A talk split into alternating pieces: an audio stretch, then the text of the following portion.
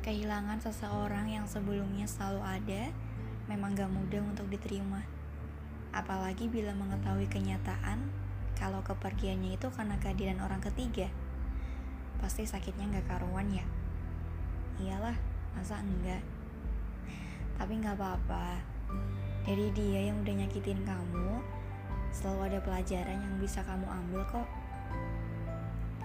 Kamu jadi bisa tahu deh orang-orang seperti apa yang gak pantas untuk dipertahankan.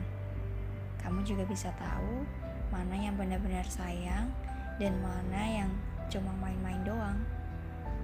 Kamu juga bisa tahu perbedaan orang-orang yang benar-benar tulus dan orang-orang yang cuma mau buat hatimu tergerus.